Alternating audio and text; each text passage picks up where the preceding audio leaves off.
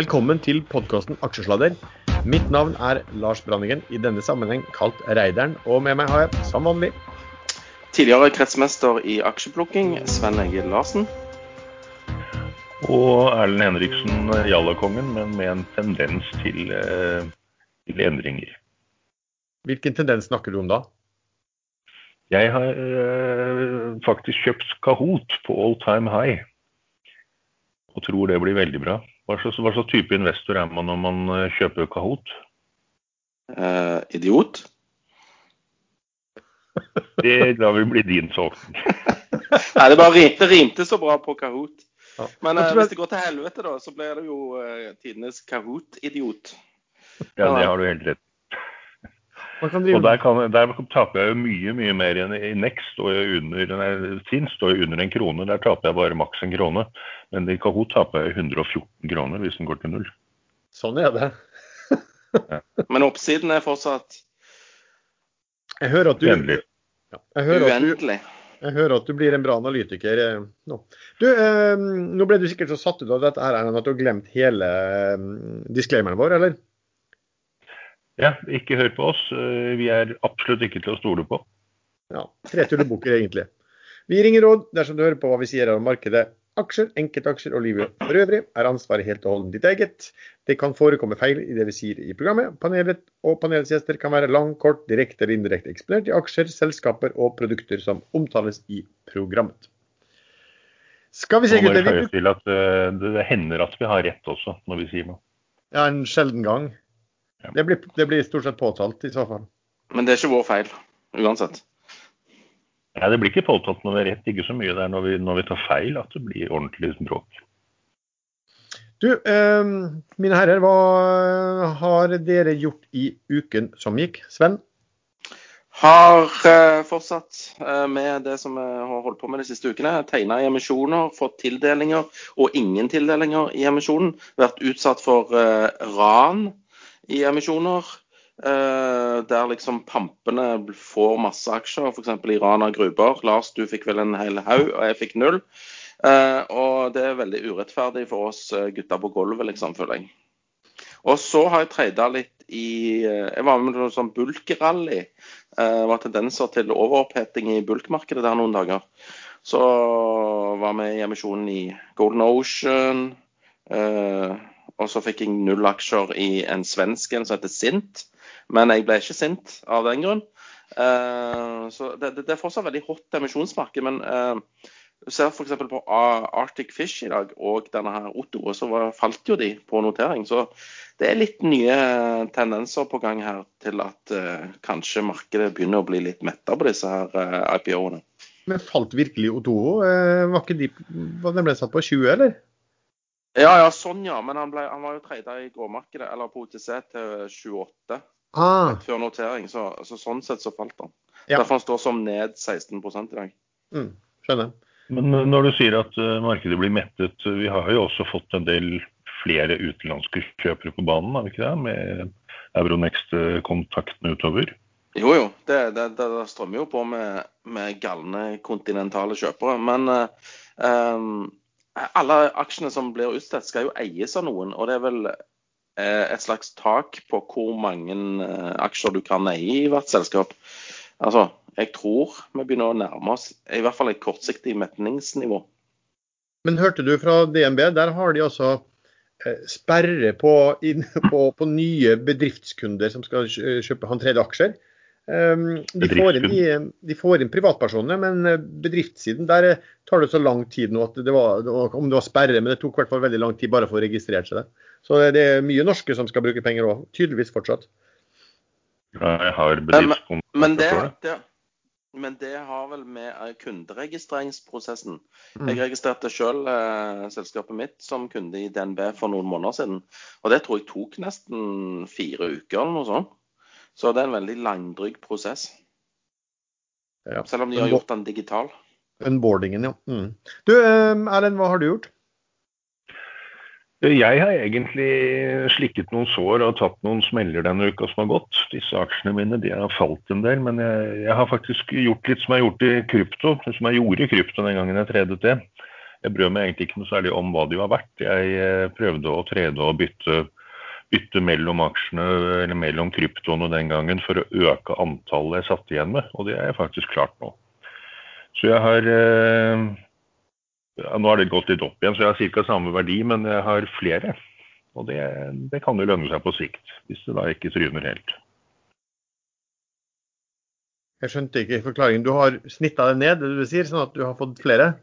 Ja, jeg har solgt litt på Når noe faller, så går det jo alltid litt opp igjen. Så da har jeg solgt på oppturer, selv om jeg da solgte med tap. Fordi det var lavere, oppturen var lavere enn forrige inngang, men så har jeg tatt igjen lenger ned. Og da har jeg hele tiden klart å øke antallet. Så, så, det gjelder å ha mest aksjer, egentlig. Den, den vinner den som har flest aksjer. Det, det, det, funker jo det hvis det plutselig går sky high igjen. Så akkurat nå går det litt sånn små sky high igjen både her og der. Ja, happy days are here again eh, akkurat i dag. Ja, da, I går var det tragisk, og i dag er det bra igjen. Altså, tragisk i sammenhengen. Vi, hva var det nede i går, da? 1,5 Jeg tror vi Ja, det var helt katastrofe. Vi er, Hva tror du skjer med alle aksjer der? Ja, men vet du hva, vi er faktisk eh, Siden vi spilte inn for en, en uke siden, så er vi sånn cirka Ja, vi er vel en uh, omtrent flatt på den siste uken. Så så ille er det. Men jeg har blitt uh, kjendis. Såkalt uh, D- eller J-kjendis. Jeg er ikke helt sikker på hvor langt opp på stigen jeg kom.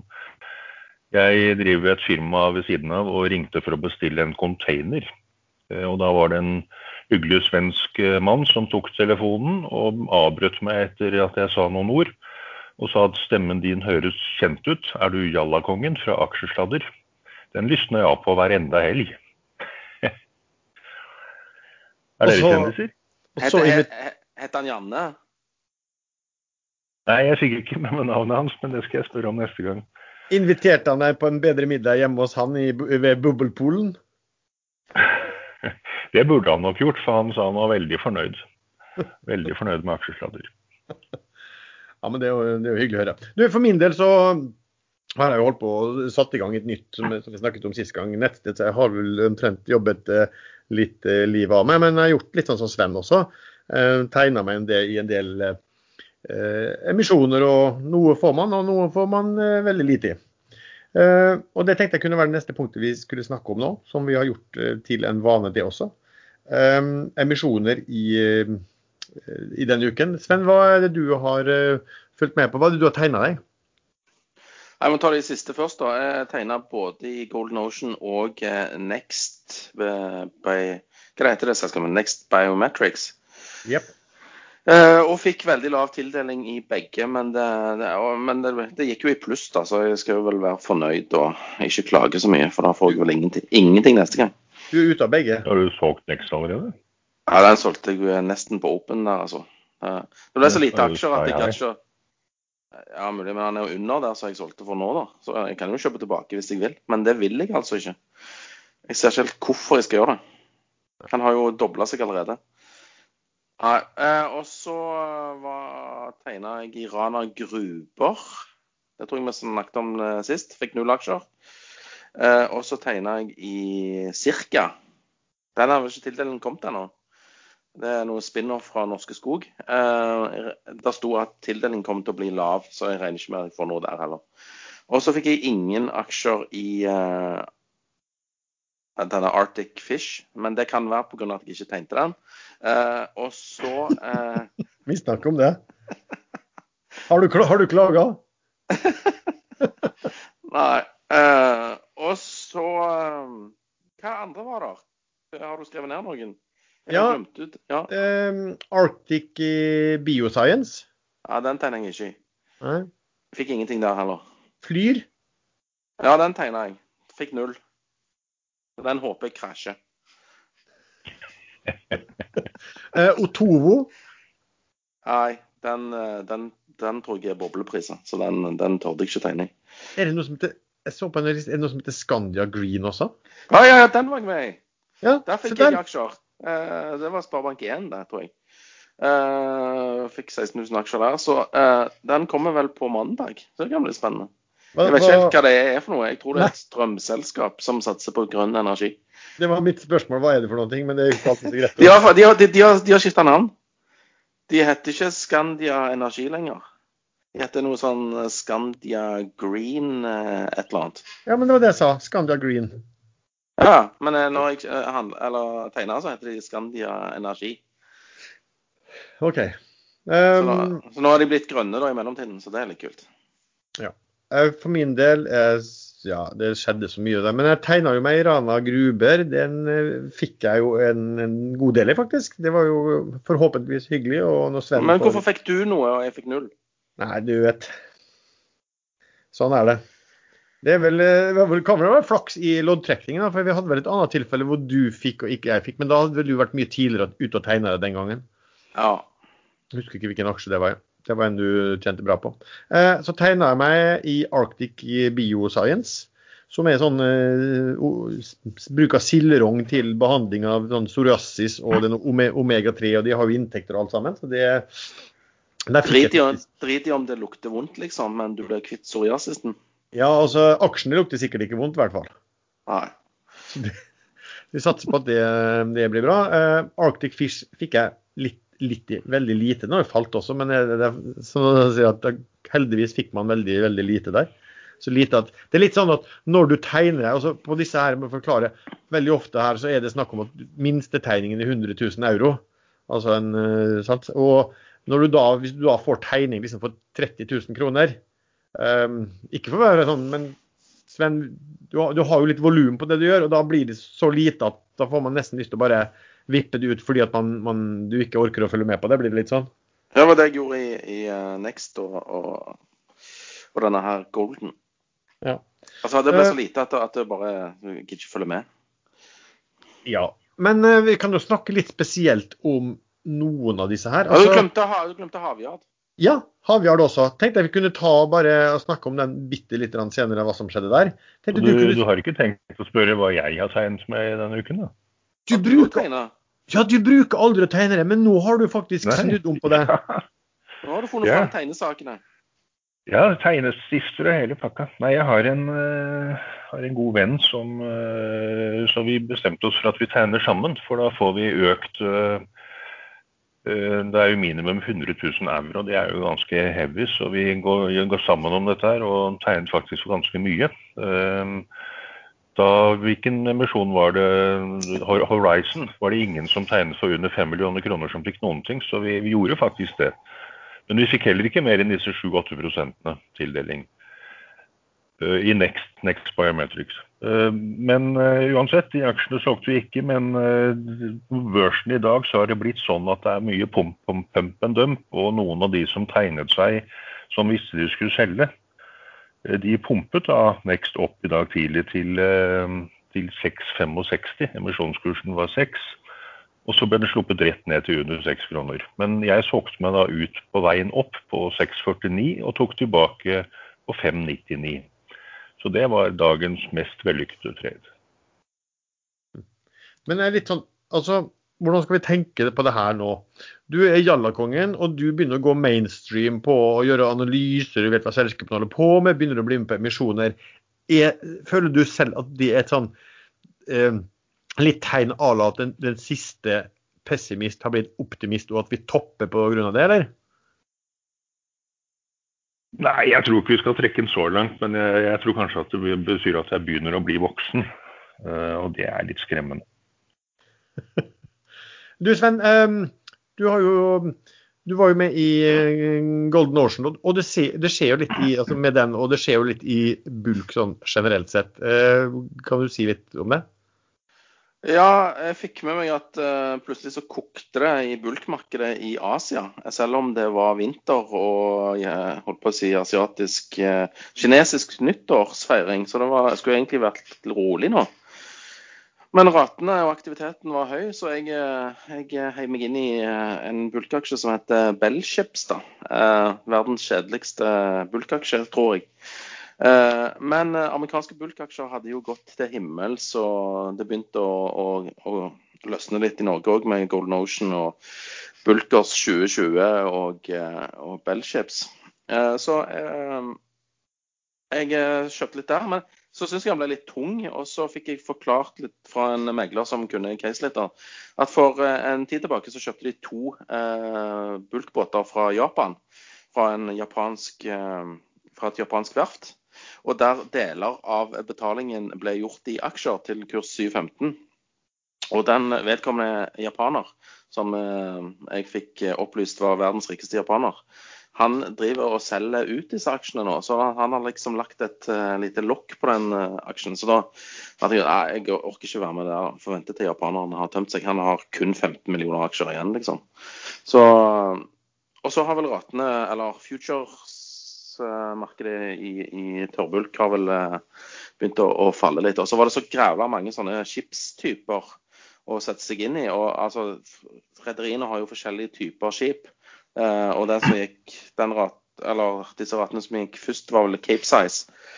Og så har du noe som heter Aframax og Panamax og Supramax og Newcastle Max og uh, uh, ja. Men det som jeg gjorde, da Jeg solgte bulk, og så gikk jeg på butikken og kjøpte Pepsi Max istedenfor. Det var det som var konklusjonen her. For det. Bunnpris og, og hadde seks Pepsi Max for 99. Det er mye bedre kjøp enn alle disse bulkaksjene, syns jeg. Panamax er jo da båter som er maksimalt mål størrelse på å gå gjennom Panamakanalen. Og det er vel sikkert blitt større nå etter at det kom større Panamakanal. Men hva er, er eh, Newcastle Max? Ja, ja, det var det jeg lurte Hva er det for noe? Er det som kan gå inn til havnen i Newcastle, liksom? Er det en havneby litt inne i landet, det også, eller? Jeg har aldri, aldri vært der, jeg. Nei, fotballaget er sånn midt på treet. Det er vel det jeg kan om Newcastle. Wuhan i Kina er jo en havneby, men den ligger jo langt langt inne i landet. Det er jo en Tsensang-elven eller et eller annet sånt som går inn og sniffer seg opp dit. Ja. Så der har de sikkert en Wuhan-maks, da. Ja. Men eh, eh, konklusjonen er jeg kan for lite om eh, shippingaksjer. For hver gang eh, jeg føler Altså, jeg bommer eh, i tank eh, og alt annet shipping òg. For det er noen som kan dette bedre enn meg. Så jeg, jeg gir opp litt fort der har vel alle alltid sagt at i, i, shipping så sitter det så mange meglere rundt omkring som sitter på informasjon og også bruker den informasjonen som man klarer aldri å, å performe de som Nei, sitter nærmere. De, de, får jo med seg slutninger og sånn òg. Og jeg hørte at uh, Bellships hadde gjort uh, veldig bra slutninger på to av båtene nylig. og det, det, De sender jo ikke akkurat ut børsmelding om dette her. Så det må jo være Det er litt viktig å presisere at uh, det er ikke innsideinformasjon, det er såkalt vanskelig tilgjengelig informasjon. Og det er ganske ja, ja, ja. Så det er åpent. Alle som vil kan egentlig få sjekket det. Men man må vite hvor. Men jeg, men jeg, er helt enig med deg, Sven. at for min del er det også litt sånn, jeg tror at Hvis jeg ser hva, hva, jeg har gjort opp gjennom årene, og hvis jeg hadde sagt, tenkt at aldri skulle brydd meg om shipping eller investert i shipping, så hadde det sikkert vært en berikelse for om ikke akkurat avkastningsmessig, så eh, sikkert alternativavkastningen og bruk av tid. Um, nå, nå, er jeg jo litt sånn tallmenneske, da, og det er jo litt nesten sånn på shipping at eh, på, mange som sier at shipping du skal følge med liksom, på, på, verdi på båtene, og så skal du kjøpe dem når ratene er elendige. Uh, men da ser jo inntjeningen jævlig ut også. Uh, men jeg bruker jo ikke å se på inntjeningen, og, og, da blir det sånn Oi, nå er inntjeningen i shipping bra, da skal man kjøpe. Nei, det er vel egentlig da du skal selge, samme jeg får oppfatningen av. For da, ja, da, når ratene går, så, så, så, så, er det ikke så mye mer å hente. Da snur det fort den også. Men når vi snakker om shipping, så må man jo komme med den standardadvarselen som alle burde være klar over. Yin Hui shipping. Det må man være forsiktig med. Den stiger noe voldsomt innimellom. Og så kommer det en eller annen uh, generalforsamling eller rapport hvor det viser seg at uh, det har blitt gjort en transaksjon som fjernet alle verdiene. Og det skjer hver eneste gang tapt penger på, på, eiendom eller et eller annet sånt plutselig. Et eller annet, ja. Man skal være forsiktig med å beskylde eierne, det er vel et par brødre eller noe sånt, for uh, å drive med funusk og fanteri, men det lukter litt reker av de greiene der. Brødrene heter NG, no good. Noen heter det vel i gamle dager, da. Ja, stemmer det. Men, eh, men, eh, de har jo forbedra seg, da. Før spilte de jo vekk på sånn gambling. Eh, og nå har de eh, begrensa seg til eiendom. Så det går framover. Ja. De har vel vanvittig lønn også, har de ikke det, de gutta? Vet du hva, Det har jeg ikke sjekka. Jeg har holdt meg eh, borte fra det selskapet sikkert i 20 år. Denne ukens episode er sponset av IG. IG er, som dere vet, en verdensledende tradingmegler med over 17 000 markeder å handle på. Deres smidige og kraftfulle plattform tilbyr handel med turboårenter, CFD-er og opsjoner. Nå som krypto har vært veldig hett på markedet og fortsatt er aktuelt, kan det være verdt å sjekke inn handel av kryptovaluta hos IG. Få en bred eksponering i en enkel posisjon med IGs krypto 10-indeks, eller velg akkurat den kryptovalutaen som du er interessert av. Hvis du vil bli kjent med IG, kan du følge dem i deres sosiale medier, eller lytte til deres podkast Børsnakk med IGs markedsanalytiker Erik Hansen. Lenkene finnes i beskrivelsen til denne episoden. Takk til IG. Eh, men da kan vi hoppe over til den du snakket litt om, eh, som har vært litt sånn føljetong siden vi egentlig oppdaget den og meisla ut eh, strategien til Havjard, som de nå fullførte. Og hva var det som skjedde, Sven? De, ehm, eh, jeg trodde egentlig de skulle gå for en full sånn uh, emisjon for, uh, der alle kunne delta, minimum 10 500 kroner. Men de har tydeligvis tenkt litt annerledes, og så har de kjørt en, en vanlig retta emisjon der de spant av Havgroup, som består av fire datterselskap. Og det eneste som blir igjen i Havyard Eh, Group det ble jo da verftet og um, aksjer i disse fire selskapene som de har spunnet av. Um, det ble gjort til en ja, De prøvde seg på en prising på 600 millioner, men markedet for å ta i denne emisjonen det var ikke så veldig hot. Men hot nok til at de klarte 540 millioner i kapitalisering. Uh, sånn at hvis du sier at verftet i Havyard er verdt null, så er verdien på Havyard eh, ved 540 mill. på datterselskapene 21,60 per aksje, sånn cirka. Jeg ser at aksjen handler litt over det, så det er mulig at verftet òg har en verdi, da. Ja. Men eh, det var en ting du glemte der òg. De har eh, rentebærende gjeld Eh, når du regner på 540. De har rentebærende gjeld også på oppimot, oppimot 100, ca. 3-4 kroner per aksje i rentebærende gjeld, som, som, ligger igjen i mor, etter okay. det jeg kan se. Ja, ja. Men eh, skulle jeg kjøpt noe, så hadde jeg jo selvfølgelig kjøpt eh, datteren, eh, eller spin-offen. Men eh, jeg deltok ikke i emisjonen av den enkle grunn at jeg skjønte at eh, etterspørselen etter aksjer ikke var så stor. Men jeg ble veldig glad eh, inni meg når eh, Havjord faktisk fikk til denne spin-offen. Og det er jo noe som vi har eh, eh heia på ganske lenge, da.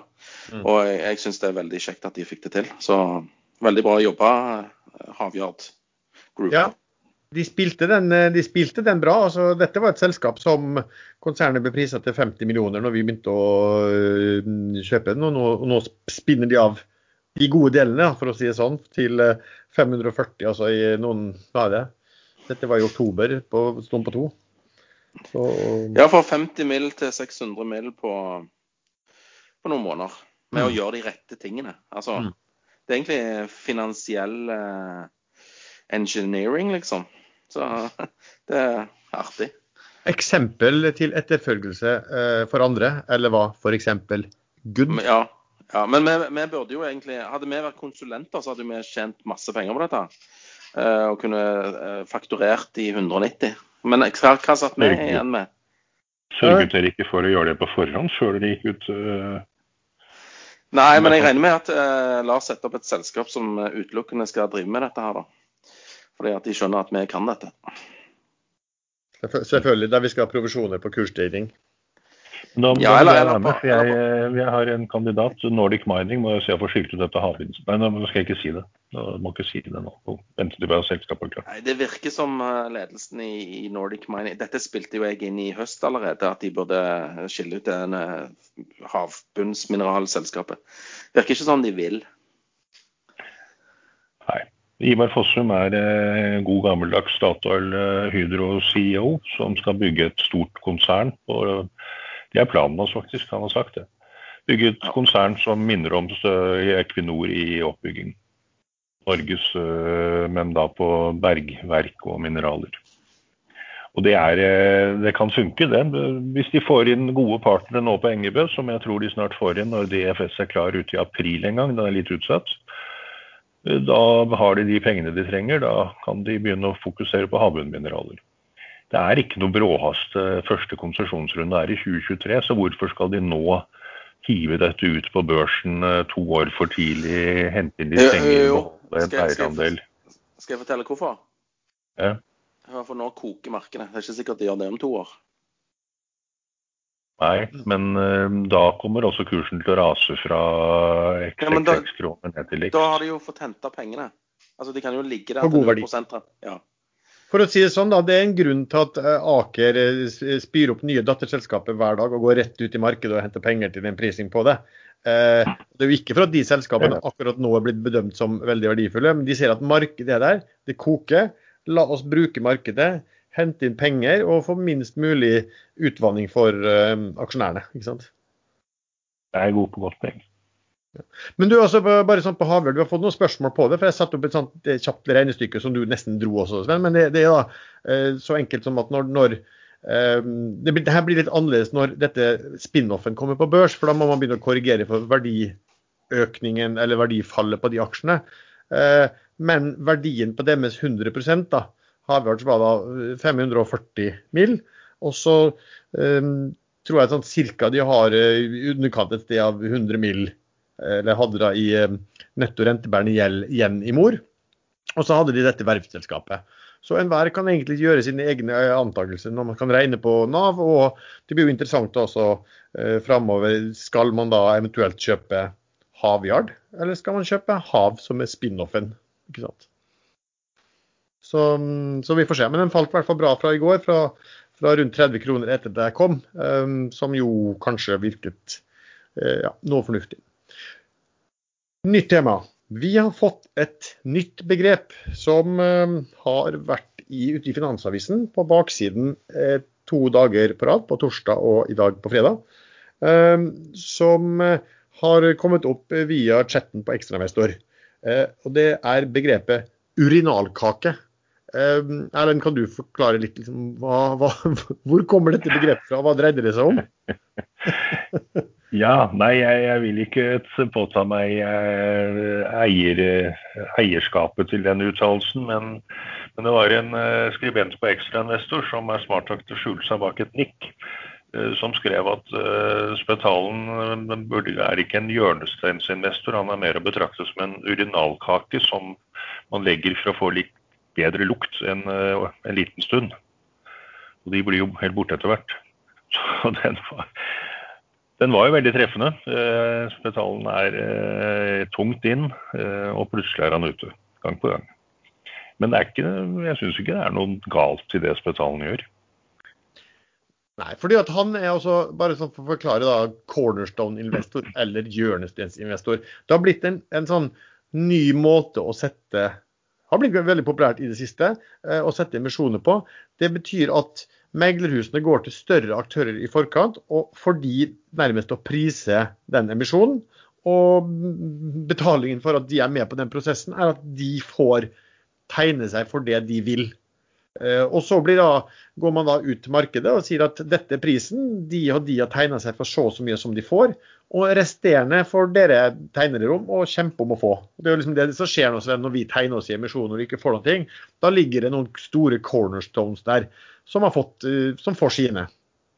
Det, det sa faktisk Next også ganske klart, at mesteparten av emisjonen gikk til, til større institusjonelle investorer. Eller de brukte vel ikke det ordet, men de sa at de, den største aksjonæren Next hadde 5% og det ville de endre på. Men hvem som har fått hva de på toppen, det aner vi ikke. Men, men der, der gikk de jo da i så fall Det, det er lett å si, fordi at på de IPO-ene nå så går de jo ut og så navngir de hvem er cornerstones-investorene, og hvor mye um, vil de få. Ikke sant? Og det er jo der, der vi snakker liksom om da, dette med Spetalen eh, kom ut. Det var vel en som var misfornøyd. Han hadde sikkert kjøpt noen aksjer eh, mye dyrere enn Spetalen når, når selskapet kom på børs, og så solgte Spetalen ut og gjorde en fin gevinst. Og derover kom vel denne morsomme og, og litt irriterte um, kommentaren. da. Som Finansavisen snappet opp og kjørte story på to dager på rad. Det var Men eh, ja, jeg, jeg kan jo til en viss grad være enig når, man går, når de som har emisjonen går bredt ut og kaller det cornerstone-investor, og så er samme person ute dagen etterpå. Det, det, det er veldig på grensen. Men Det er ikke noe ulovlig, i Ja, det, men det er eh, Han Jensen i DN òg tok jo opp dette. Han hadde jo uh, utveksla litt mailkorrespondanse med Spetalen. Og uh, hvorpå Spetalen da bare sendte et bilde av seg sjøl blant noen sauer og uh, sa at saueflokken er stor. Så han vet jo hva han gjør, da. Men altså, Der var det bare fire-fem sauer på det bildet hans. Det er jo hans egne sauer. Ja. Var vel, det var vel snakk om noe var det Kingfish og så var det Proximar. Var, vel liksom, var ikke spitalen med på begge, og så solgte han etter ganske kort tid. Men det er jo ikke sånn at han solgte eh, umiddelbart, tror jeg. Og hvis han gjorde det, det er ingenting som er ulovlig med det. Altså, jeg sitter litt med og tenkte på Sven, jeg husker du snakket en gang om eh, Jeg tror det var Aega en gang. Og så sa du til folket at ja, ja, altså nå ligger kursen på 1,30. Hvis dere kjøper de på 1,80, så regn med å få mine aksjer midt i fleisen. Jeg tror jeg sa to kroner, men uh, budskapet er det samme. Hvis kan finne på å kjøre, kjøre, dritten opp, liksom, så, så, er det fare for å få noe i hodet. Ikke sant. For du, hvis du vil betale eh, 20% 30% 50% 100% 200% mer enn hva disse cornerstonesene betalte eh, noen få dager før, så må man jo skjønne at én, det er fristende for dem å selge, og to, hvis de, hvis de er investorer, så må de jo sik sikkert vurdere OK, jeg syns denne aksjen var bra investering på, på 10, men jeg syns fortsatt det er bra investering på 20. Og, de, og det kan jo godt være at de ikke syns, og da er det jo helt greit å selge, selvfølgelig. Så er det jo en ting til hvis Spetalen hadde gått veldig bredt ut i media og sagt at han tegnet seg og kalt dette en, en, noe som skal til uendelig, som han faktisk sa en del en gang i tiden, og solgt dagen etter. Da begynner det å bli litt mer over grensen igjen, men det har han ikke gjort. Han har vel ikke kommentert at han tegnet seg i det hele tatt, så vidt jeg har fått med. Han, han låner ut navnet sitt, og han vet at det funker. Så det er ikke noe verre enn det. Og det gjør andre også, eh. Ja, ja. og, og for å si det sånn, hvis, vi, hvis de folk kom til oss og så sa vet du hva, det er en kjempedeal, eh, dere skal få bli med, og vi kommer til å, men vi vil gjerne nevne at dere er med. Eh, du hadde jo fort eh, sagt at det var helt greit, hvis du, var, hvis du syntes det var en veldig god deal. Ja, så det, Sven solgte seg ut uh, allerede før. Han hadde lånt inn aksjer og shortet da på forhånd og dekket med det han fikk. Og du hadde ventet litt lenger der, så jeg hadde sittet i den tredobbelte etterpå. Sånn er sånn, sånn ja, regnestykket. Men får ikke si som Thomas Nilsen, det er mange, eh, mange veier til målet. Ja. Men dette med cornerstones er jo tydeligvis noe som har kommet uh, um, Tror det kom fra Sverige. fordi ja. Der var det masse IPO-er. og De som hadde cornerstones, de gikk sky high med, og de uten gikk dårlig. Så da var det vel en eller annen i en av disse svenske Enskilda eller Carnegie eller ABG Ja, de måtte ha med cornerstones. Ja. Det er jättebra. Men svenskene de er jo veldig flinke på å hente inn engelske ord som de lager svenske ord av. Uttaler på svensk. Hvordan sier de da 'cornerstone'? Uh, hørnstener. ja, Nei, de bruker det engelske ordet. De, de, har, ja, ja, en, det, de har en sånn finans... Yeah, cornerstones.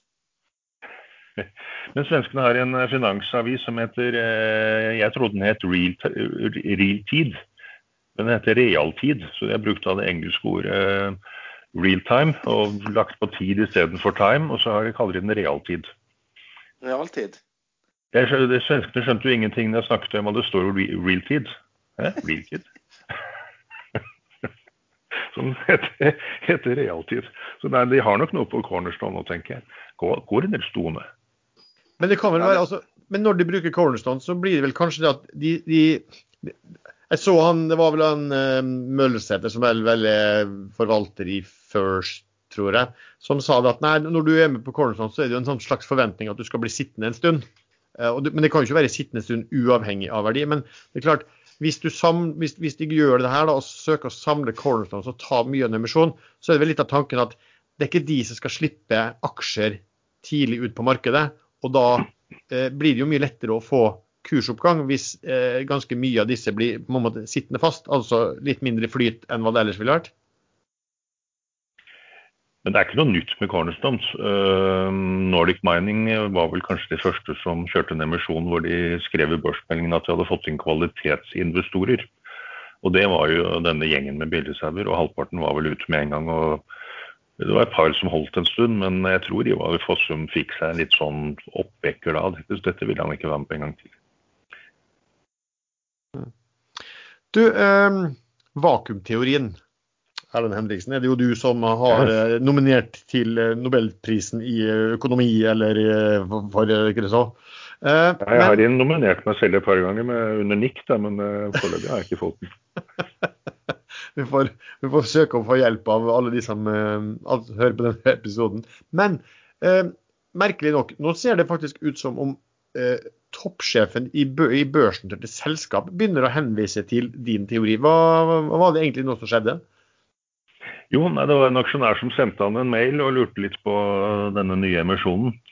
Og da skriver han svaret mitt er todelt for Elements aksjonærer. For, ele for Elements aksjonærer har det, ikke, har det ikke så stor betydning. Det du kaller bjellesauer har en liten andel aksjer i forhold til antall aksjer som blir utstedt, og som er under lockup i 12-18 måneder. Antall aksjer som kan handles fritt er ganske lavt, så det, blir, det vil bli en likviditetsskvis, sier Christensen som er styreformann. Så styreformannen i et børsnotert selskap går ut og og snakker om hvordan kursen vil trades sannsynligvis opp framover, fordi det vil bli en likviditetsskvis, som jo ikke er noe annet enn en type vakuum. Litt på kanten, spør du meg. Ja, hva tenker du om det, Sven?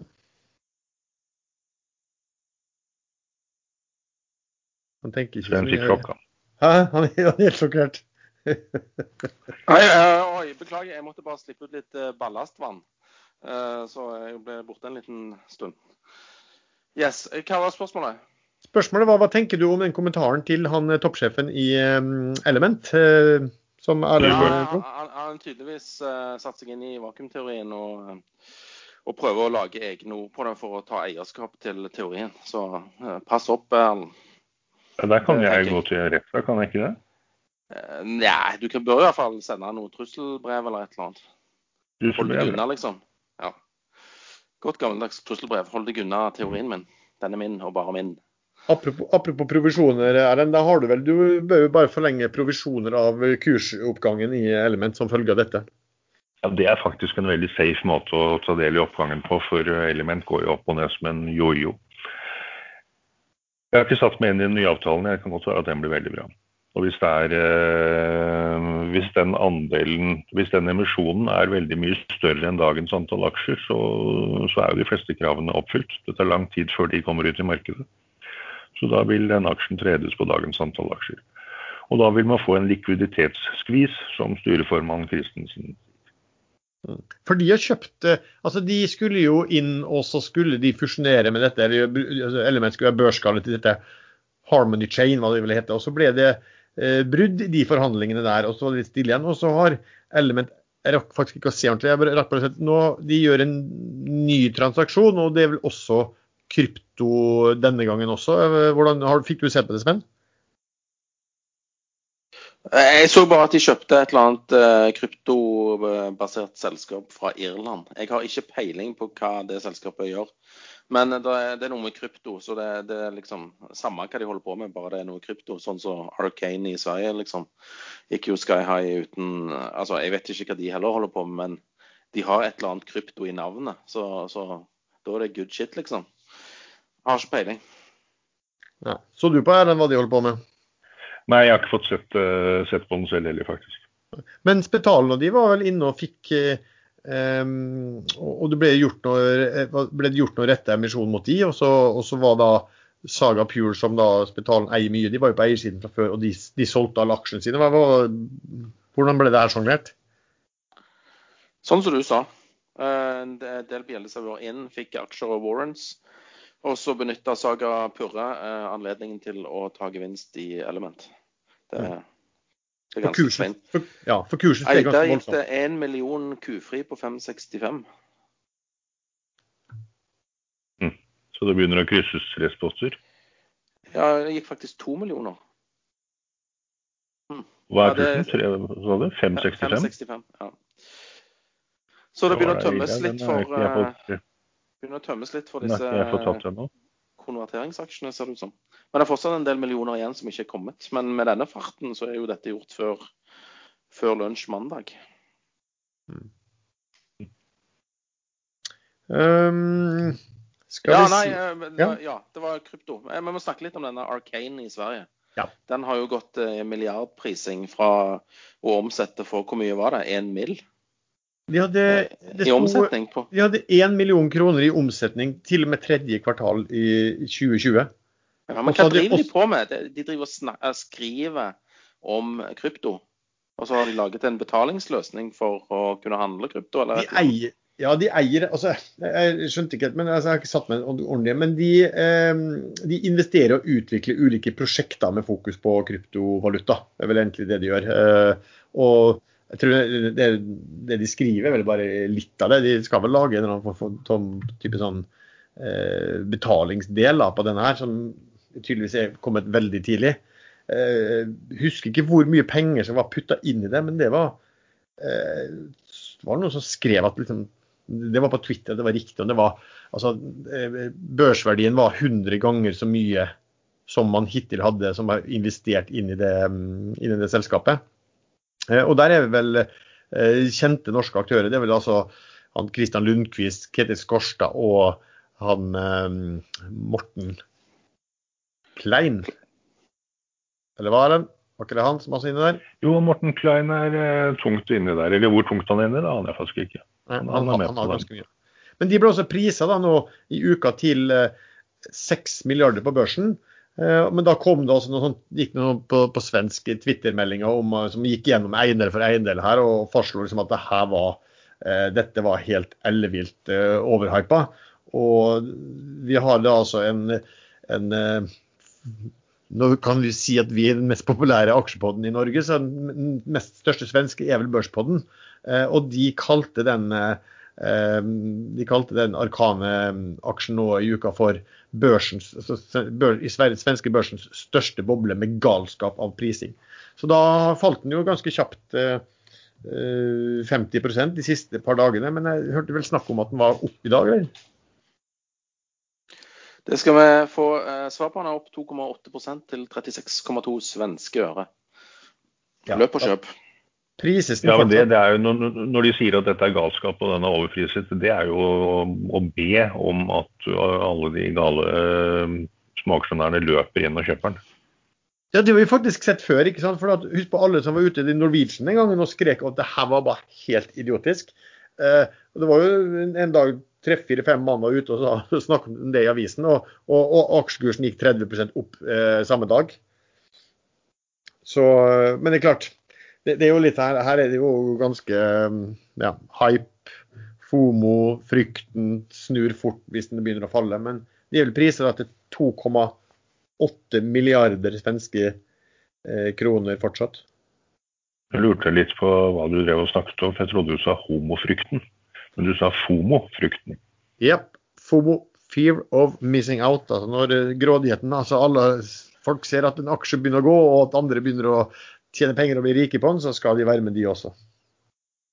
Jeg sliter litt med den fomoen. For jeg, jeg får aldri fomo. Nei, men det er fordi du har lært at når noe stiger eh, for mye, da skal man selge. Eh, Hvis det ikke er noe spesielle news eller annet, annet som har skjedd. Eh, Mens de aller fleste, og det er, ligger i psykologien vår, vi får FOMO, fear of missing out, når noe stiger voldsomt. For da tror vi oi, nå skal det enda lenger, og så kjøper man, og da kjøper man av de som dumper samtidig. Ja, men du, du taper jo aldri noe på uh, fomo. Altså øh, hvis Og du bare ikke lar være. Ja, du taper jo ingenting. Ja, ikke sant? Nei, det er det man må lære seg. Man, Går bare glipp av uh, gevinst, potensiell gevinst. man taper bare når kursen faller og man etter hvert må selge. Uh, Man taper aldri på ikke være med opp. Ja, så hvis man har veldig utstrakt fomo, så, så, så ender du ofte opp med å tape penger, da. Da ender man opp med å ikke være på børs etter en stund. Så du burde, burde egentlig få sånne sykeerstatningsgreier på hvis du har for høy fomo. Ja, Hvis man får en diagnose, så FOMO-diagnosen, da burde man jo Litt sånn førtidspensjonering. Jeg går til legen. Jeg, faen, jeg tror jeg har fått fomo. Men du, noen som, har, noen som virkelig fikk FOMO, det var jo alle disse som investerte i GameStop og sånn som vi snakket om eh, galskapet der. Men nå, nå har det kommet Nå var det vel en høring i USA rundt hva som hadde skjedd der. Eller fikk du med deg noe, noe av det som hadde skjedd? Det som skjedde var jo at den aksjen ble jo over egentlig ganske lang tid pushet som en aksje man skulle øh, kjøpe fordi short-andelen var så høy. Og etter et par-tre måneder, når da selvfølgelig de store proffene hadde, hadde sikret seg sine eierandeler og begynte å skrive tungt på Reddit om dette her, så fikk med seg tusenvis, titusenvis av andre smaksjonærer. så gikk jo kursen da Hvor mange prosent gikk den? 1000? Det gikk fra 5-6 kroner opp til 500-600 dollar, vel? Ja, den gikk vel 100-gangerne. Og Da blir jo helt garantert disse shortene dekket inn, men de blir jo satt på nytt for veien opp. Så de som ligger short nå, ligger jo De kan jo dekke seg nå, og så kan de kjøre jojo på det noen ganger. Så det, det var, Igjen så var det småaksjonærene som tapte penger, og noen store proffe småaksjonærer. Og faktisk sannsynligvis også så proffe at de var på hedgefondsiden som dro i gang hele den FOMO-greiene. Og Da var det en høring i Kongressen, og den har jeg ikke fått fulgt med på. Det er litt sånn jeg vet jo hva som skjer og hvordan dette skjer, og da er det litt uinteressant å høre på en kongressrepresentant som ikke aner hva han skal spørre om, og, og de som svarer, som vet nøyaktig hva de skal svare for å slippe unna.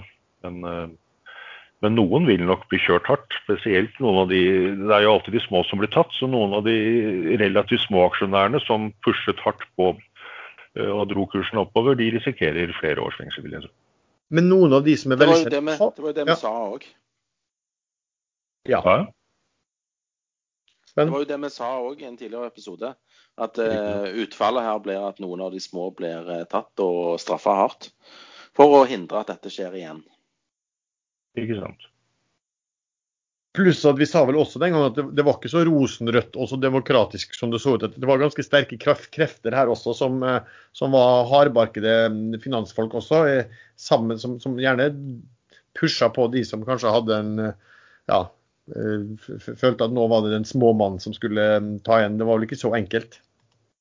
Men han Robin Hood-sjefen han måtte jo stille opp, og han ble jo litt kjørt av, eh, av politikerne. Fikk du med deg liksom, hva, hva, de har forklart, eh, Sven?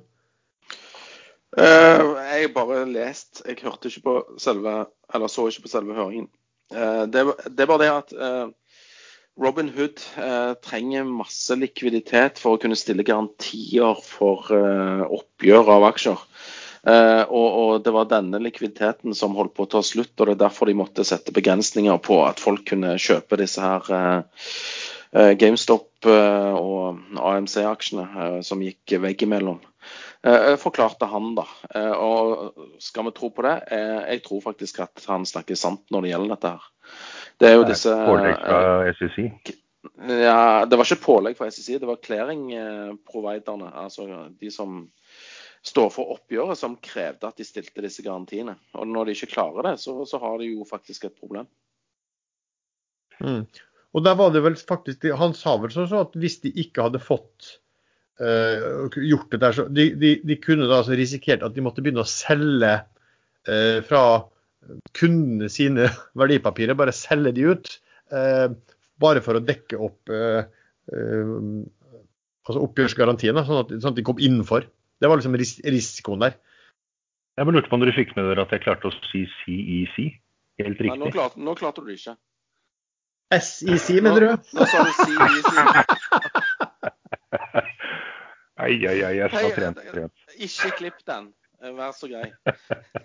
Du, også, du gjorde narr av meg og Sven eh, rett før, rett før, vi begynte sendingen med at vi begge kom på lufta og, og, og gomla i oss eh, bananer og sånn, men eh, ja. Det er viktig å få opp ja, nei, energinivået før sending, vet du.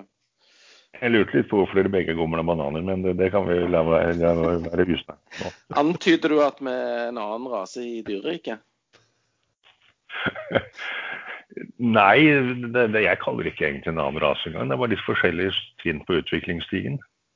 Ja, det gikk det 600 000 til i kufri. Det er noen som kjøper her. Mm. Mm. Jeg har hørt på hva du sier. Nei, nei, ja. Ja, nei, kanskje. du, eh, tenkte vi skulle bare ta et sånn lite, sånn, eh, lite, lite mellomspill. Eh, nevnte sist gang at vi hadde satt i gang en videosite som heter Incurate. Um, som vi sier all in one place, der man kan gå for å se videoer fra de børsnoterte. Det har vært jo rapporteringssesong nå, og da har det vært masse selskap som har kjørt videoer, uh, videopresentasjoner. Og de man, kunne man alle se Eh, inne på Incubate. Og Der kunne man også se på resultatrapporten deres.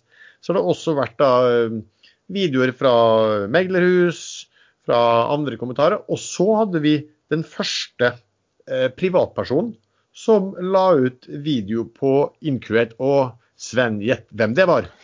Det var mannen fra Sandnes, Ulfhuset. Ulfhuset. Eh, jeg vet ikke hva, jeg så bitte litt på den greia. Han blir jo årets inkurator, han, gjør han ikke det?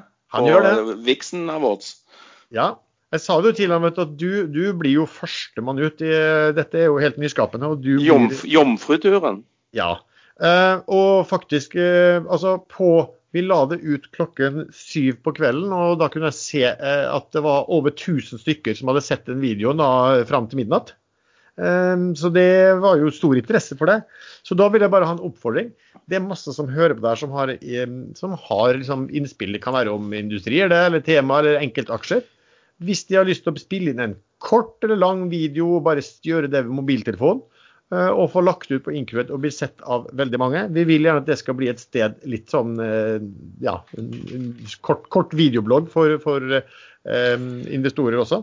Så er det bare å ta kontakt. Men er det noen som går gjennom de videoene før de blir lagt ut, eller er det bare å pumpe opp eh, videoer uten Eh. eh, sensur? En viss sensur må man jo nesten se, se på hva det blir lagt ut. da. Det ble jo helt eh, pornhub eh, der etter hvert. Ik ikke sant, sånn at, at ikke sant, sånn at man ikke omdanner nettstedet til noe annet enn hva det var, hva det var tenkt å være. Eh, nei da, det kommer til å gå igjennom, men hvis man vil uh, legge ut noe, så kan man enten gå inn på, på siden der og bare registrere seg. Uh, og lenken til det neste det ligger eh, i beskrivelsen til episoden. Eller så kan man bare sende mail til info.ekstrainvestor.com. Og så sagt, Det er ikke noen store krav til at dette her må være noen eh, kjempedyp eh, analyse og, og lang analyse. Man kan snakke, og gjerne med litt eh, humør og humor også. Jeg, jeg ville tatt kontakt med han eh, Skana-mannen, hvis dere husker det. Han som hausa Skana i sånn video. Med gummistøvler og sånn. Ja. Eh, Han burde fått eh, stjerne der inne. ja, og nå har jeg et par andre aktører som er kjent i markedet også, som har eh, meddelt meg at de vel eh, neste uke har tenkt å komme med, med egne videoer også. Så jeg håper at det kommer til å bli mange av dem. Og jeg tror liksom det, man så hvor mange som så på Ulf som var den første, så sier at her er det eh, veldig stor interesse for å se um, den type videoer. Akkurat som det er interesse for å få tips uh, generelt uh, i markedet. Du, eh, jeg lurte på om vi skulle snakke litt om eventuell grønn boble. Peter Hermanrud var jo ute nå med et notat og uh, fortalte litt sånn som vi snakket, om, hvor mye han syns dette nå begynte å ligne på, på .com. Vil si at man kaster bort gamle eh, måter å vurdere, verdivurdere ting på.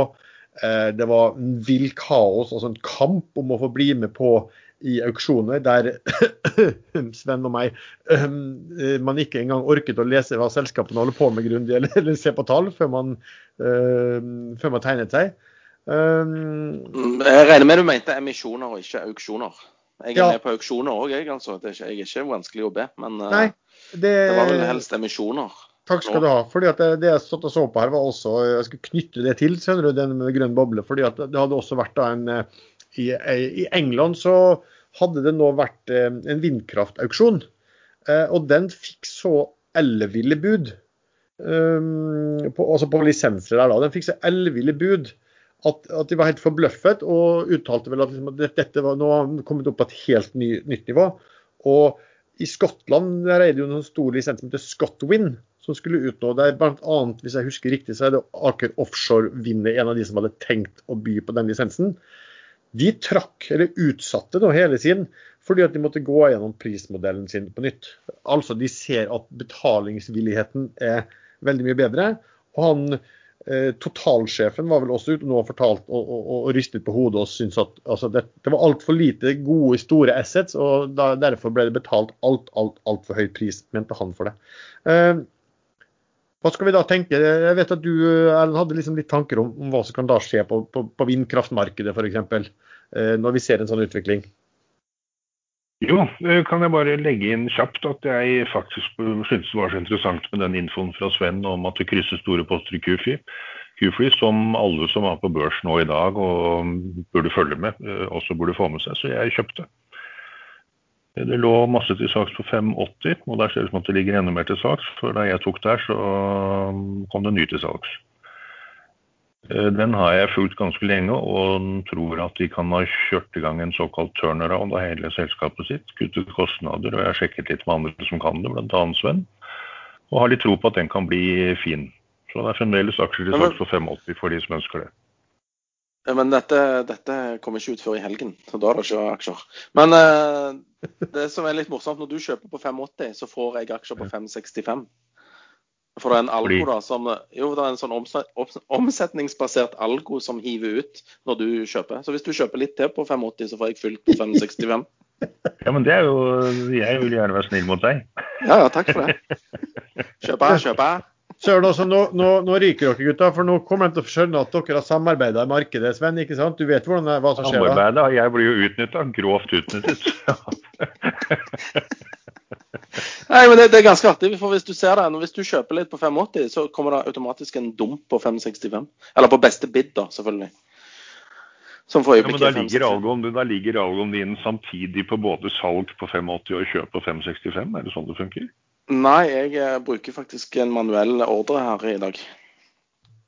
Mm. Så jeg har bare lagt inn en kjøpsordre på 565 og uh, fått fill to ganger her nå. Ja, ja. Det... Men uh, hvis jeg får kjøpt kun 15 øre dyrere enn en du plukker, så er jeg ganske safe på at det må være en god investering. For du ja, selger jo alltid for, for tidlig. Så. Ja, var, jeg lurte på om jeg skulle åpne med det, liksom uoffisiell norgesmester i uh, gevinstsikring. Men uh, ja, jeg er kjent for å selge litt tidlig. Du Sven, spørsmål. Du, jeg tror kanskje er du ute av det nå, for dette er spørsmål om H2O i i eh, USA. altså den, Det som heter da Fusion Fuel. heter det Fusion Fuel Green uh, Limited, eller PLC. Ja, uh, ja uh, det tikkeren er for øvrig HTOO. For de mm. som da er interessert i tikkere. Um, den er jeg ute av, ja. Jeg, tok faktisk en trade på den i går òg, for det kom en analyse fra meglerhuset Fearnley i Oslo, som da sto for denne her emisjonen tilbake i august da aksjene endelig er levert nå. Det tok, bare litt over et halvt, eller tok et halvt år, det. Um, der de sier kjøp target 45 amerikanske dollar. Uh, og ja, det er fin bullanalyse. Uh, men uh, det skal jo sikkert lempes et par mill-aksjer, eller en mill-aksjer eller et eller annet.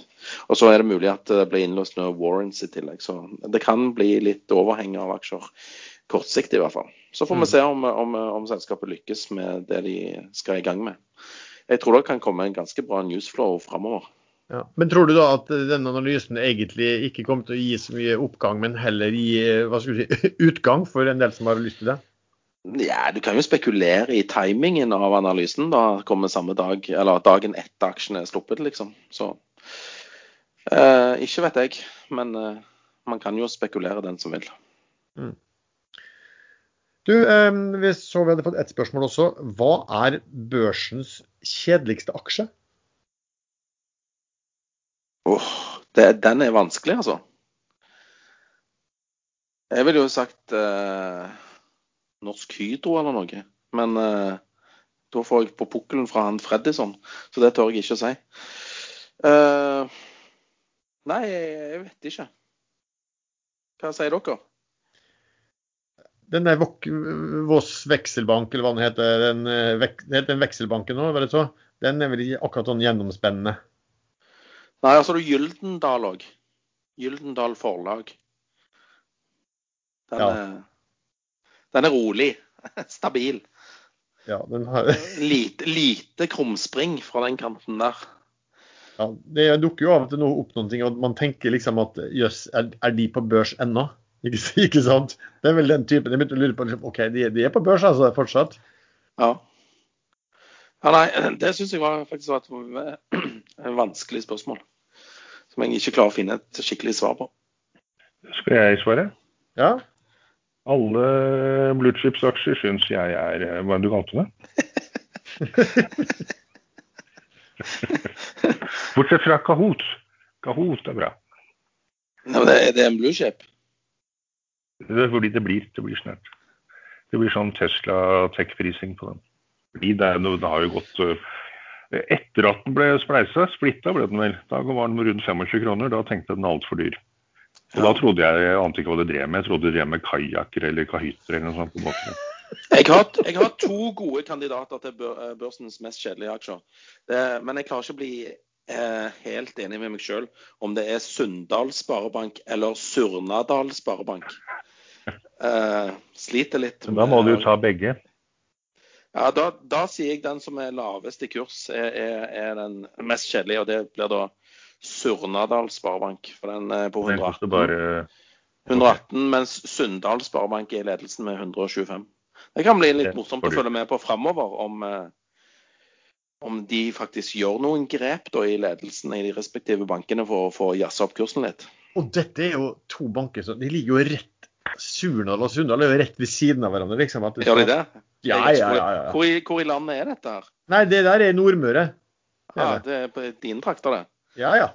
Ikke så langt unna det. Så Men hvilken, hvilken foretrekker du? Og hvor har du putta pengene dine? Ingen. Jeg kom, sikkert til å sovne før jeg trakk, rakk å trykke på kjøp-knappen. Ja, men jeg mener hvor du har innskuddskontiene. Du har jo så mye penger at du må spre dem på masse banker. Ja, men ikke, ikke sånne lokalbanker på Nordmøre, for å si det sånn. Det, det har ikke Du får de aldri tilbake igjen. De er så, de er så kjipe.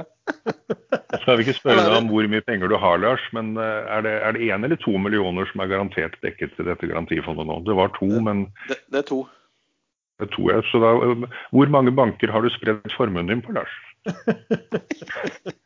jeg må dra fram telefonkatalogen her, selvfølgelig. Nei, men dette kan bli en føljetong utover våren. Eh, Sunndal eller Surnadal? Ja. Hvilken foretrekker du? Men jeg, jeg, vil jo klart si at den som er billigst av de to, på 118, må jo være mye mye bedre kjøp enn den på 125. Ja, mye mer omsetning òg i den. Der er omsatt 433 aksjer i Surnadal, mens det bare er omsatt 372 i Sunndal. Jeg må forresten, eh, Da må jeg nevne at eh, nå er det ikke så lenge siden det var i fjor sommer. Da spilte jeg faktisk eh, Nei, forfjor sommer var det nå. Da spilte jeg faktisk tennis med en kompis i Og det gjorde vi på Sunndalsøra. Uh, og jeg knuste han. Jeg håper han hører på denne, denne, denne podkasten, for da, da, svir det sikkert hvis jeg sier at jeg knuste han. Alternativt vant veldig knapt.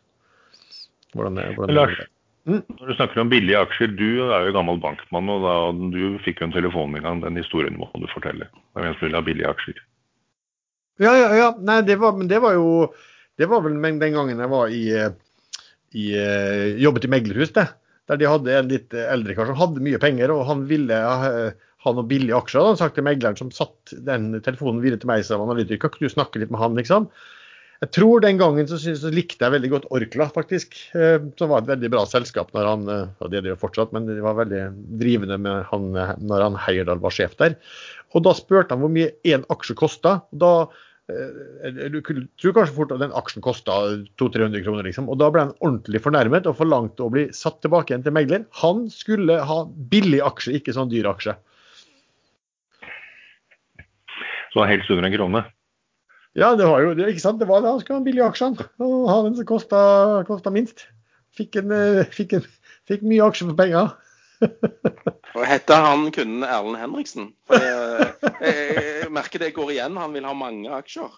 Og... Du, men du, du, vet at han, eh, noe han sa Erlend i episoden, fikk meg til å liksom, tenke på Erlend og Forest Gump, egentlig.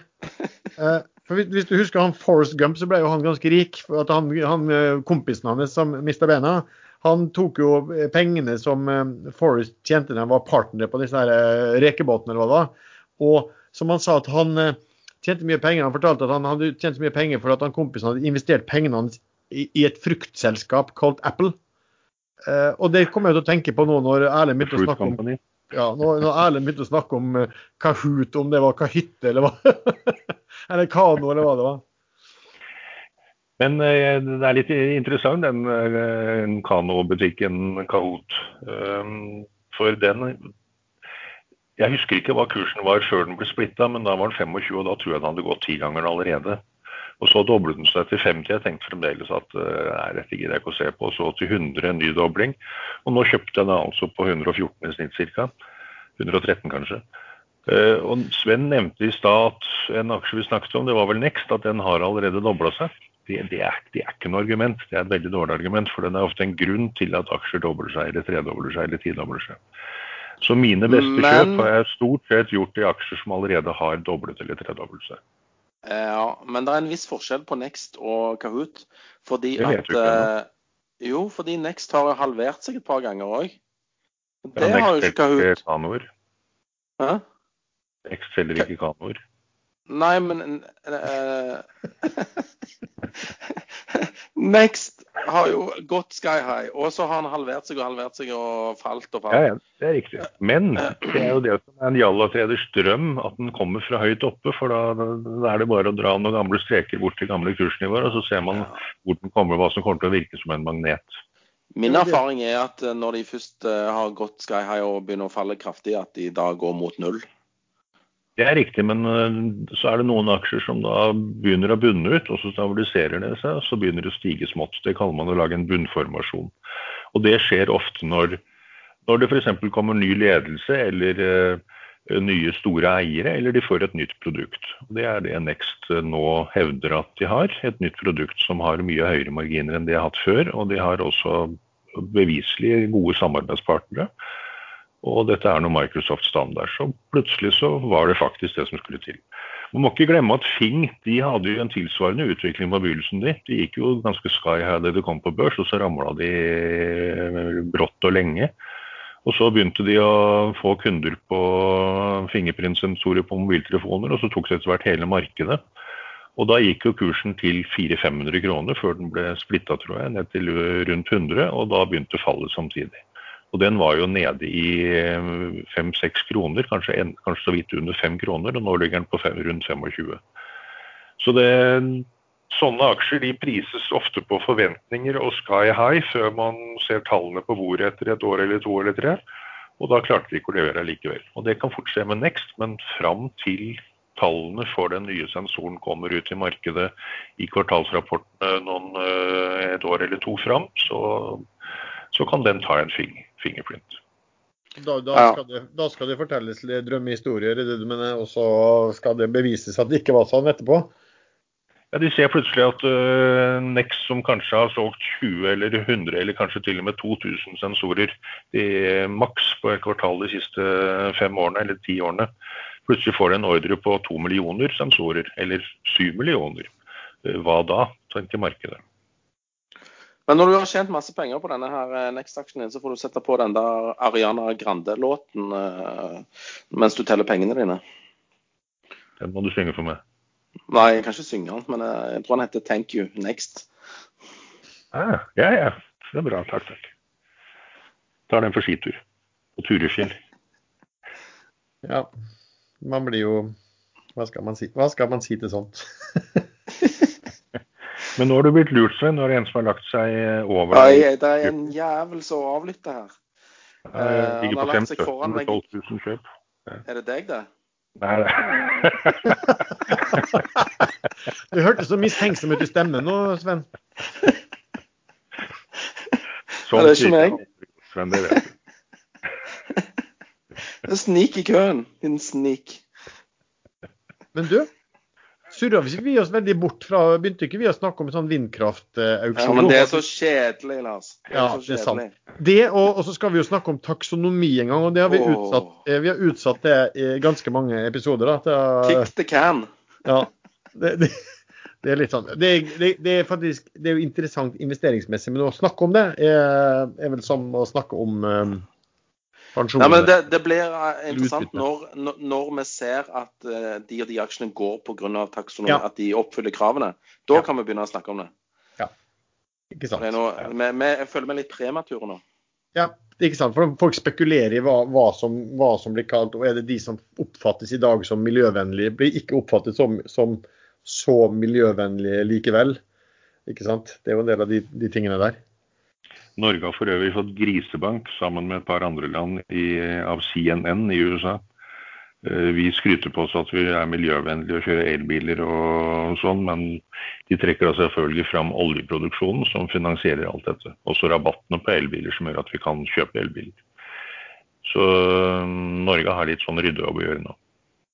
Ryddejobb med å forklare at man må først tjene penger for å kunne redde verden.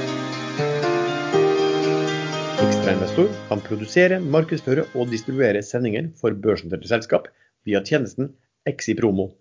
Denne uken har vi hatt sendinger fra Tinn Film og Teco 2030, som hadde sin Capital Markets Update.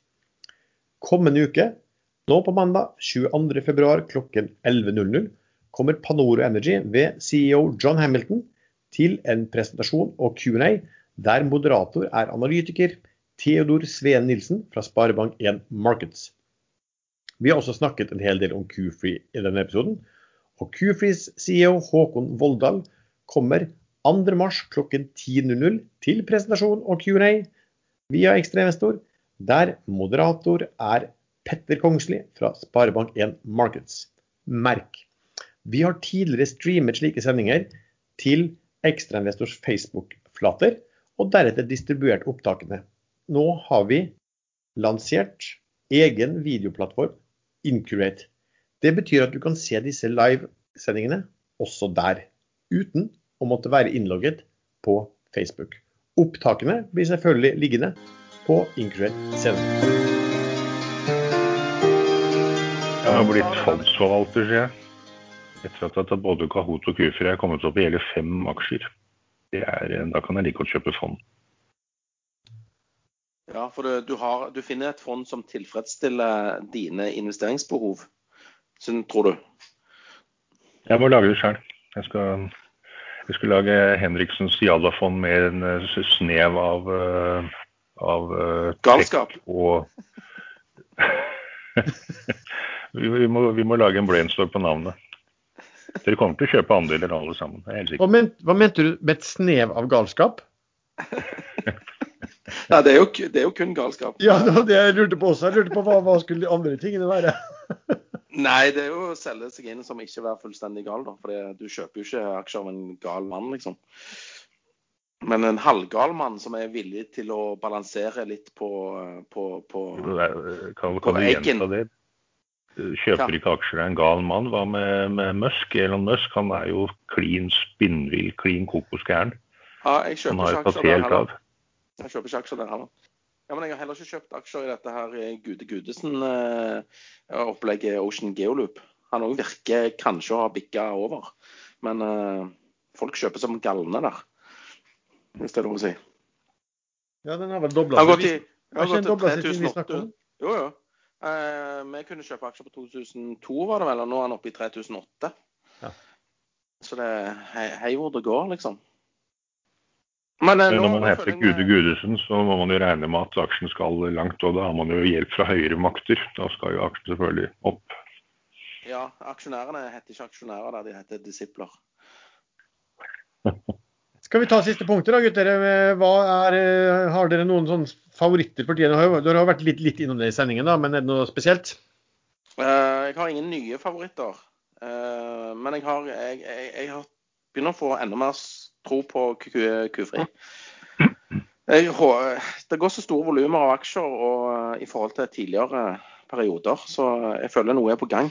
Og så har jeg kjøpt tilbake Philly Shipyard den har, jo, den har jo vært volatil som en Jalla-aksje de siste ukene. Så jeg har fått tatt tilbake der eh, under 70. Så jeg takker aksjegudene for å være snille. Men den er fremdeles under 70, 67? Ja, eh, så det er bare å Nei, Jeg tror den kommer enda litt lenger ned hvis disse fondene fortsetter å selge. Eh, var ikke du Lars, som sa at du trodde ikke de solgte under 70? Men det kan virke som de selger under 70 nå, altså? Ja, jeg bare så de siste par dagene. altså Når, når det begynte, så ut som når det før også, når det begynte, den kursen begynte å vippe under 70, så så jeg ikke noe tegn til at de hadde solgt. Så jeg lurer på, det blir interessant å se i dag. Og jeg har faktisk gjort, eh, kjøpt eh, i dag, økt en hel del i Philly i starten i dag. Den var ned på ja, Hvis du ser eh, på endagslisten, så har de solgt ca. 5000 aksjer. Eh, siste, altså Det er T pluss to, da. Men da var det ja. nær 5000. Og så på en uke så har de redusert med 123 000. Korrekt. Men hvis du ser på hvis du da ser på altså det, det, det, det du ser i dag, ikke sant, det er tirsdagstradene. ja, og da var vi da kanskje over 70, da? Ja da, den var oppe på Det var den. Den var oppe på ja, 61,5 i hvert fall var den da. Og lavest var den da på 61,70 vel. 71,6, ja. Ja. 71,6. Nå fikk, jeg, nå fikk jeg med meg noe svensk her. Nå sa han T pluss 2, og jeg sa først T pluss 2 i stad, så korrigerte jeg det til T pluss 1 uten at dere sa noen ting. Så Jo, jeg jeg tror sa- dere driver og lokker meg, lurer meg inn i feller her, sånn at alle skal le av meg sånn som etter IO og, og de andre greiene. Hvis du kunne la noen få komme til orde her nå, så skal ja. jeg fortelle deg at i USA så er det T pluss 3. Ah, Fordi at, Hvordan vet jeg det? Jo, fordi av og til så driver jeg og kjøper noe i Norge og skal selge det i USA, eller motsatt. Sånn konvertering. Og da hvis du har kjøpt det i USA, så må du vente en ekstra dag før du kan konvertere. Pga. at de har en dag lenger oppgjør. Ikke sant. Men det er derfor jeg innimellom sier ting feil, for at dere skal kunne klare å korrigere og komme med tilleggsopplysninger som er interessante for lytterne våre. Ja, så det, det du prøver å si, det er at du sier dette med vilje. Ja. Feil. I, ti, Ja. I tillit til at vi kan det, liksom. Det er jo OK. OK. Ja. eh, ja. Noe mer, Sven, enn en det der? Eh, nei, jeg føler jeg snakket litt om kufri sist, så jeg orker ikke å gjenta meg sjøl. Men eh, jeg liker den, og så liker jeg eh, Philly. Og så venter jeg på aksjeras eh, ellers rundt forbi. Og du, eh, Erlend, du har også snakka om, eh, om Next, da, noe mer? Jeg kan jo bare si Grunnen til at jeg tok ut, var jo at det kom melding i går. Jeg tror ikke det kom som børsmelding, men det ble nevnt av TNT TNT. Ja, TNT, ja. Og står sikkert på hjemmesiden til eh, Kahoot, tenker jeg, at de, de har inngått et offisielt samarbeid med Google om Google eh, Class, et eller annet room. eh, og de skal til, tilpasse og så som, som alltid så tar jeg bare med meg de viktigste fra meldingene. Her kommer Google opp en melding. Kabom. Da skal Kahoot skabom. Og så blir det kjøpt opp for 1000 kroner. 1000 kroner De meldte det faktisk som en børsmelding. Ok, ja, ja. Men dette funker bra. Og så er jo da kufrien til Sven. ehm, og alle vet jo at jeg har Next, og jeg har fortalt hvorfor. Ehm, sin film går som den går. Batteriene virker som eh, noe som de har som et produkt. Jeg er helt sikker på at dette faktisk kan bli en ordentlig rakett. Men jeg har lyst til å nevne et par aksjer som jeg ikke har tatt ennå. Eh, Nordic Mining lå jeg godt i pluss, og så begynte kursen å falle ganske voldsomt. og Da solgte jeg mens jeg fremdeles var i pluss. Og plutselig så raste den videre kraftig. Jeg husker det, jeg husker, jo, de kom vel med noe tall, og det er selvfølgelig alltid dårlige selskap som ikke tjener penger. Og så ble DFS utsatt med en måned fra det de har sagt uh, tidligere. Og da kursen falt helt ned til uh, akkurat nå ligger den på, på 2,70. Den var jo oppe på 3,60 vel, rundt der den toppet ut. Så det ligger noe støtte nede på rundt 2,30-40. Eh, Den tror jeg kan være fornuftig å begynne å se på igjen. Så er det eh, Bergen Bio, de nærmer seg jo for hver dag. Der har jeg ingenting selv for tiden, men den skal nok eh, høyst sannsynlig eh, ganske sky high, tror jeg. For ledelsen driver og lekker informasjon og kommer med utsagn om hvor godt Bemsentini virker på covid, hvordan det kan blokkere koronaviruset fra å gå inn i cellene og utvikle covid. Og det er snart en konferanse om det, men de har ennå ikke børsmeldt at det funker. Eh, Men brikkene begynner å falle på plass, så plutselig er jeg inne igjen i den. Eh, Ja, det var vel hovedsakelig det jeg hadde. Speak of the devil. Nå kommer Sunndal eh, Sparebank med børsmeldinger. Godt resultat. Ja, med sterk kunde- og kredittvekst i 2020. De deler ut seks kroner i, eh, eh, per egenkapitalbevis for eh, året 2020. Så er det opp til Surnadal Sparebank, da. jeg vet ikke om de har kommet med tall, om de klarer å matche det utbyttet. Jeg syns det var bra utbytte. Men Sunndal var de som var dyre, de på 125 kroner eller noe sånt. Det er mulig en grunn til det, da. Minus utbytte, så er du da nede på den andre, så da er de plutselig billig, selv om de har betalt utbytte. Ja, Nå skal jeg sjekke om de andre har kommet med Ja, ja Surnadal òg har kommet med, med utbytte. De Oi, oi, oi. 8,5. Surnadal er best. Det kan du se. Han skulle kjøpt den billigste. Jeg så forresten her i stad at det kom en spike opp på um, Vi hadde jo snakka om noe havjard. Det var nede i 22,4 i dag, og det falt ganske mye. og Så snudde den bang opp igjen og var på over 27. Den gikk opp 20% over 20% fra, fra laveste til dagen. og så den ja, falt litt tilbake nå, men det er fortsatt eh, pent opp, den. altså På 26,4 opp 5,6% Så den falt jo en del i år og tatt, tatt tilbake litt i dag, da, tydeligvis. Lars, har du, har, uh, har du sagt dine? Nei, det kan jeg si. Uh, ja, uh, jeg gjorde sånn som du. Uh, kjøpte litt fil i dag. Jeg, jeg, tror ikke de kommer til å selge så mye under 70, og plutselig så er det den posten tatt. Da kan det bli veldig gøy. Den, denne, den, som jeg vil at folk kanskje skal selge på, som blir litt moro, på mandag, er det vel, hvis jeg ikke tar helt feil, så er det um, ADS Crude Carrier, som vi har snakket om før, som uh, egentlig nå er en børsnotert pengebok.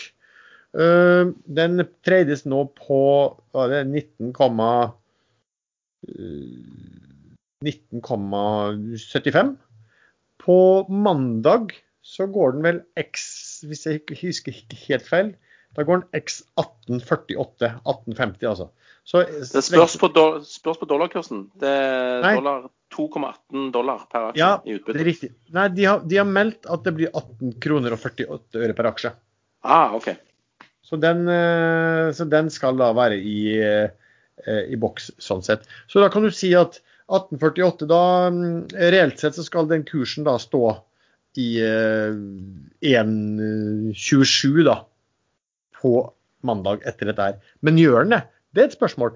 Det ligger igjen ja, eh, så et estimat fra Pareto i overkant av to kroner per aksje etter at de har delt ut de pengene. Andre har operert med tre. Og dette er jo tomt skall. Det har vi sett på, eh, selv om jeg tror planen er nok å bruke det til noe innenfor marint eller båter eller hva som helst, kanskje noe grønt. Men det vi har sett i de siste årene, så er det jo en ting det er at den type tomme børsnoterte skall de har tendert til å overshoote ganske voldsomt på, på, den underliggende verdien. Og her ble det fort sånn at på mandag, uh, dag, dagens kurs minus uh, utbytte, så er det fort sånn at den prises til 50 bare, kanskje. 50-60% av hva som ligger av cash i det selskapet. Um, ja, så der kan tror det blir, tror det blir pent å, å, mm, kjøpe den eh, på de nivåene her. Og så kan det bli interessant på mandag å se hva som begynner å se på den, og eh, spekulasjonene om hva dette selskapet skal, altså, skal brukes til. Det er jo faktisk et, et børsnotert børsinstrument. De burde skifte navn til ADS Krypto Carriers. Ja, ikke sant. Da, går jo, da hadde jo kursen gått sikkert blitt verdt ja, kan vi kunne, kunne ganga den ganske mye. Så hvis dere hører på det her nede i Arendal, dette var en gratis idé fra oss ja. til dere. De heter faktisk bare, de heter ikke Crude Carriers engang. De heter faktisk Nei, ADS Maritime Holding, da. Men, ja, ja det, det, var så kjedelig. Men det, det, går an å skifte navn igjen. Jeg tror ikke det koster så mye heller. Ja. Men den går altså X på, X på mandag. 2,18 eh, som du sa, dollar per share. Og så har de konkretisert det til at det er 18,48 per aksje. Ja, fint. Jeg har masse aksjer der, jeg. Så jeg bare, ja. det er bare give it to me. Men uh, porteføljen får seg jo en smell, da. Fordi at det, det blir et vakuum der det mangler masse cash. Inntil du får det inn på kontoen din, liksom? Ja, ja. Du føler deg fattig en liten periode. Nei, men Det kan bli morsomt å se hva en sånn Det blir, det blir jo sånn pennystokk og et, børsen, altså sånn, ja, et børsinstrument som er priset under cash. Eh, men, men hva blir markedcapen på en krone, da? Det er jo ikke så mange aksjer i eh, selskapet, da.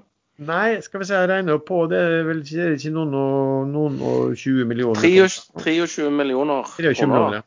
Mm. Da må vi jo passe på, eh, hvis du kjøper litt, at du ikke må flagge. Nei, men du, ja, ja, ikke sant? Når du begynner å kjøpe på mandag, ikke sant? det er riktig. Hvis du begynner å ta når den står, hvis den eh, faller ned og bare står på rundt 1,30 eller et eller annet sånt, og du begynner å smukke til, så da skal du ikke ta så mye før du må, før du må flagge.